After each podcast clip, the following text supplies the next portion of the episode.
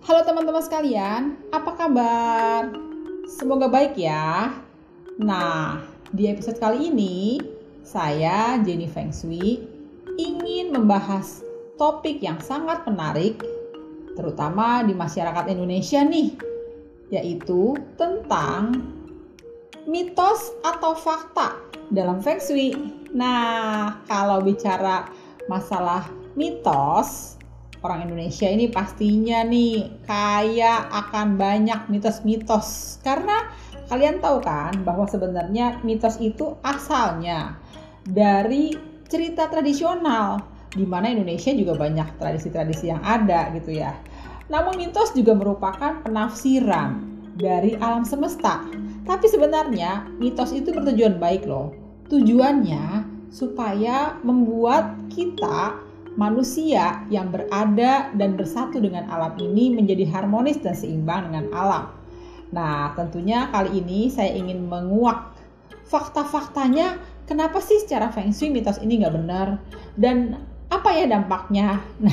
Nah, kayaknya biar lebih seru kita langsung bahas aja teman-teman sekalian ya. Yang pertama, saya ingin membahas masalah mitos pintu. Pintu dalam rumah katanya nggak boleh langsung menerus lurus lebih dari dua atau tiga. Dan mitosnya ini katanya kalau pintunya langsung lurus menerus, katanya rezekinya langsung hilang gitu ya.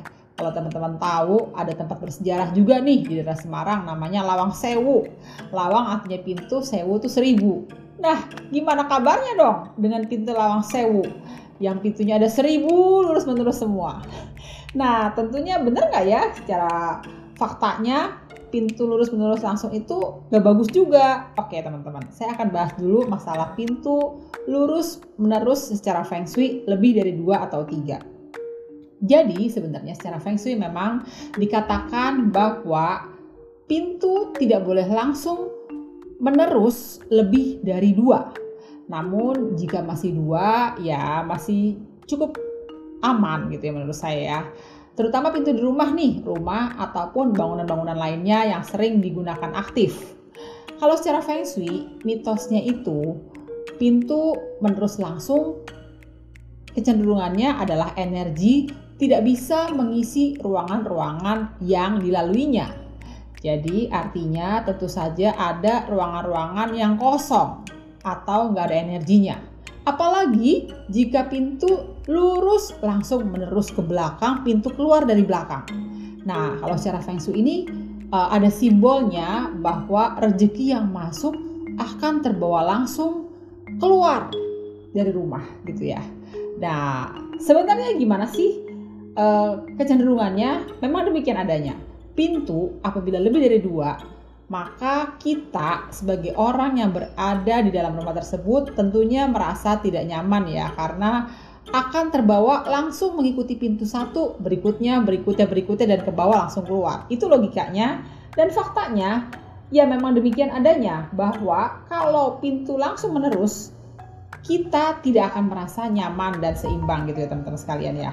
Nah lalu eh, apa sih dampak buruknya secara feng shui? Dampak buruknya tentu saja energi tidak akan bisa mengisi ruangan-ruangan lainnya.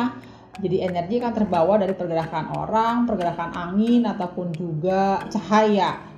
Nah, jadi sebenarnya mitos seputar pintu yang langsung lurus menerus bahwa itu kurang baik secara feng shui benar.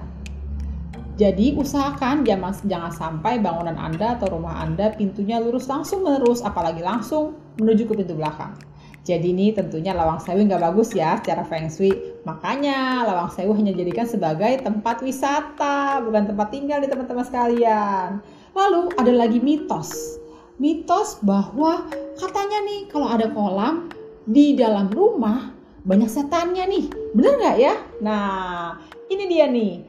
Jenny Feng Shui mengungkapkan bahwa sebenarnya kolam tidak boleh berada di tengah rumah atau di dalam rumah karena secara feng shui ibaratnya kolam itu adalah e, bagian yang cenderung turun.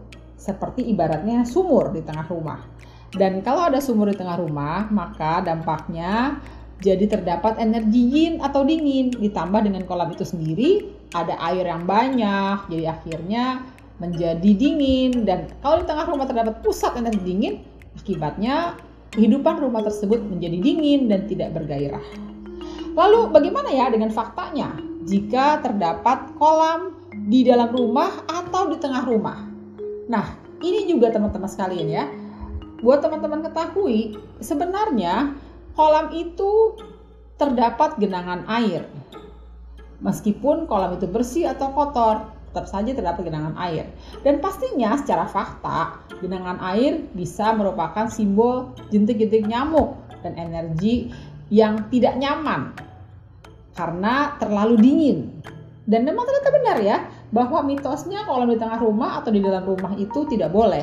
Apalagi misalnya kolam Anda terletak dekat dengan kamar tidur, maka kamar tidur menjadi dingin dan akhirnya penghuni menjadi sakit-sakitan. Kalau secara feng shui dengan adanya kolam di dalam rumah atau di tengah rumah, ada peluang dalam e, rumah tersebut terjadi pusat penarikan ke dalam bumi yang artinya rumah tersebut tidak bisa bergairah lagi alias rumah tersebut bisa dikatakan yin atau mati. Nah, itu dia teman-teman. Makanya supaya penghuni rumah menjadi bergairah, aktif dan dinamis, sebaiknya jangan sampai ada kolam di tengah rumah dan logikanya juga kalau ada kolam di tengah rumah itu atau di dalam rumah tidak baik loh buat kesehatan, lalu juga tidak baik buat sirkulasi dan juga bisa menyebabkan banyak hal dengan adanya nyamuk, dengan adanya ketidaknyamanan, bau dan lain sebagainya gitu teman-teman sekalian. Jadi buat teman-teman sekalian nih yang punya kolam ikan di dalam rumah, sebaiknya kosongin deh karena ini agak sedikit kurang bagus secara feng shui dan bisa dikatakan nantinya takut berdampak pada kesehatan Anda nih. Dan gak hanya kolam ikan nih, kolam renang pun juga sama. Sebaiknya jangan dekat dengan kamar tidur. Nantinya Anda berpeluang kesakitan juga loh. Jadi intinya kolam di rumah itu hati-hati ya, baik kolam ikan ataupun kolam kolam renang. Dan menurut saya, di antara kolam ikan dan kolam renang, mana yang lebih bagus? Ya, lebih baik kolam ikan sih, karena kolam renang biasanya kedalamannya lebih dalam. Jadi kolam renang ini tentunya tidak baik jika berada di rumah-rumah yang tanahnya kecil. Kalau mau punya kolam renang, jaraknya harus 5 meter dari pintu terakhir keluar rumah. Dan kolam ikan pun juga sama, sebaiknya diletakkan di luar rumah. Jadi, baik kolam ikan maupun kolam renang, posisinya haruslah di luar rumah ya teman-teman sekalian ya. Perhatikan sekarang, ada di mana ya kolam ikan Anda? Dan kalau rumah Anda kecil, jangan dipaksa deh punya kolam ikan. Mendingan punya akuarium aja atau lukisan ikan. Nah, ada lagi nih mitos tentang rumah tusuk sate. Katanya nih, rumah tusuk sate itu berpeluang kurang bagus secara feng shui karena ada peluang menusuk, baik itu menusuk dari depan atau menusuk dari belakang buat seluruh penghuni rumah.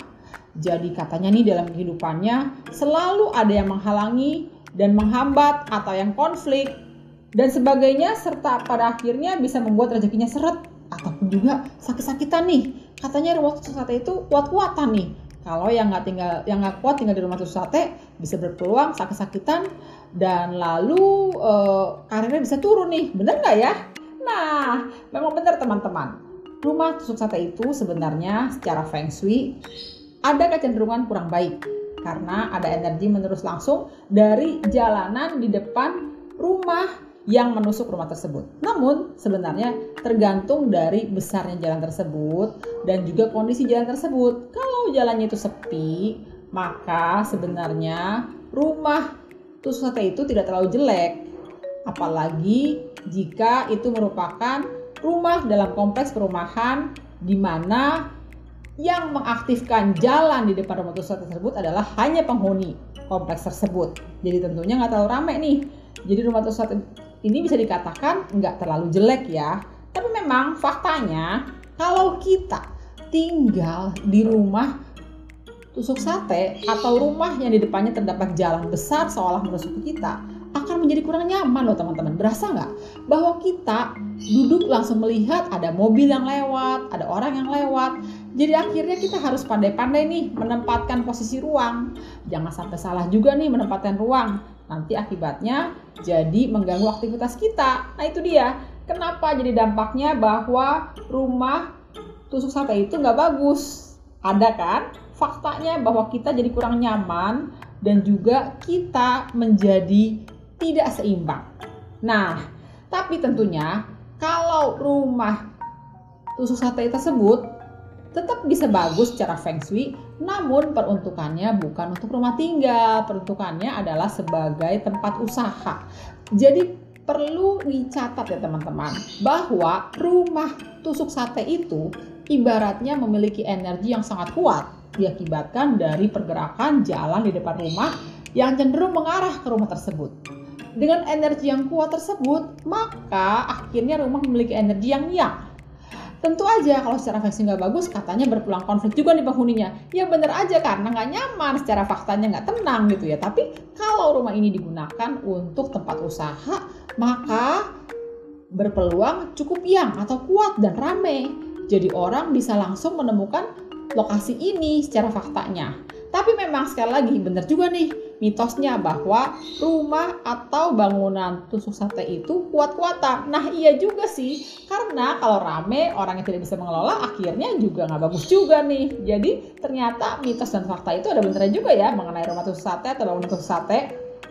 Nah ada lagi nih mitos dan fakta seputar eh, pohon kamboja dan pohon nangka.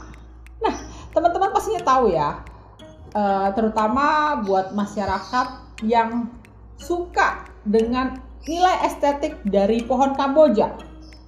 Katanya pohon kamboja itu banyak setannya atau identik dengan pohon kuburan. Bener nggak ya? Dan juga pohon nangka. Katanya kalau ada pohon nangka di depan rumah, bentuk nangkanya itu terkadang bisa berubah wujud menjadi hantu atau setan. Nah, nah, nah, ini dia nih mitos dan fakta seputar pohon-pohon yang mistik seperti pohon Kamboja ataupun pohon nangka.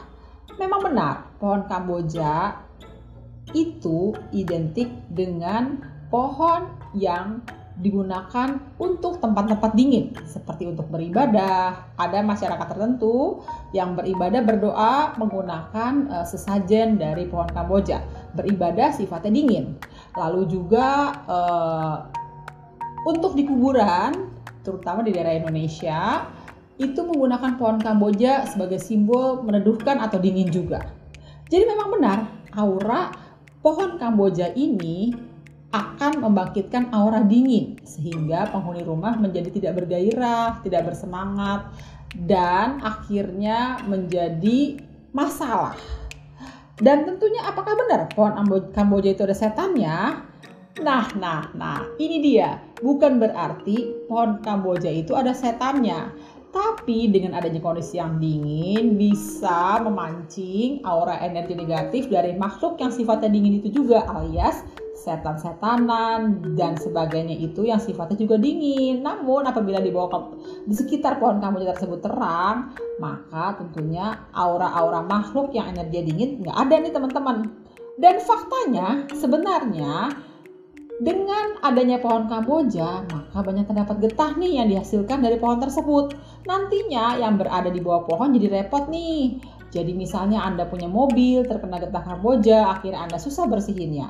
Dan juga misalnya uh, Anda berada di bawah pohon kamboja, nantinya akan banyak terdapat kotorannya. Sebentar-sebentar jatuh bunga, jatuh daun, dan apalagi kalau kejatuhan getah nih, susah nih ngebersihinnya. Dan bagaimana ya dengan pohon nangka? Nah, pohon nangka memang pohonnya sangat tinggi dan besar. Dan kadang-kadang buah nangka itu sendiri nggak kecil loh, besar. Kalau malam hari memang buah nangka itu kalau kita tidak melihat dengan jeli itu menyerupai bentuk seperti wujud makhluk gitu ya. Dan memang apakah benar pohon nangka itu e, mitosnya itu menimbulkan aura energi negatif makhluk lain gitu? Nah, sebenarnya memang pohon nangka itu karena rindang, besar, secara feng shui kurang baik juga, beraura energi dingin Akibatnya bisa membuat aura rumah atau bangunan di dekat pohon tersebut menjadi dingin juga. Sedangkan orang yang beraktivitas dan hidup itu butuh energi yang atau yang dinamis. Jadi tentunya dengan adanya pohon nangka nih, maka penghuni rumah tersebut berpeluang tidak dinamis, dingin, atau bahkan berpeluang mungkin sakit-sakitan, ketakutan, dan kecemasan. Dan faktanya nih teman-teman, benar juga dengan adanya pohon nangka, maka satu, kita sebagai uh, penghuni di dekat di rumah tersebut di mana berada di dekat pohon nangka harus berhati-hati Apabila pohon nangka tersebut jatuh, bisa membahayakan juga nih. Dan juga pohon nangka setahu saya juga bergetah nih. Dan kotorannya banyak. Jadi ternyata benar juga ya pohon nangka dan pohon kamboja ini nggak bagus secara feng Eh ada lagi nih, yang terakhir deh saya bahas nanti kita kupas berikut-berikutnya lagi ya, yaitu mitos seputar uh, kompor dan sink. Secara feng shui, kompor dan sink nggak boleh berdekatan nih, karena kompor dan sink itu sifatnya air dan api. Seperti kalian tahu lagu antara air dan api terjadi konflik. Apakah benar? Nah, ternyata benar nih. Mitos bahwa kompor dan sink tidak boleh bersebelahan sangat benar sekali. Karena pada dasarnya tempat untuk memasak energi makanan seluruh penghuni rumah berada di dapur, yaitu berasal dari kompor.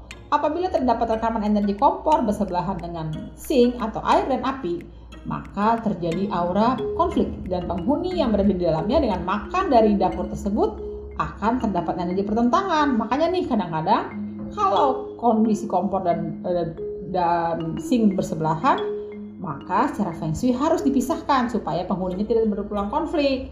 Caranya bagaimana? Caranya kalian harus menghadirkan rak kecil-kecil di antara kedua uh, lokasi tersebut atau bila mungkin pindahkanlah.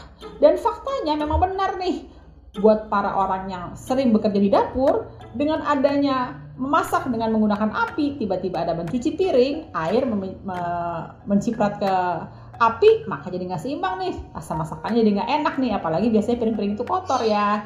Jadi ternyata mitos dan fakta itu bisa berkaitan ya. Ada yang bisa dikaitkan benar juga ikutin aja deh menurut saya. Dan seperti biasa Feng Shui itu bertujuan untuk menyeimbangkan hidup Anda. Jangan lupa untuk tetap seimbangkan hidup Anda. Ikuti terus ya media sosial jadi Feng Shui. Jadi Feng Shui Friends for Life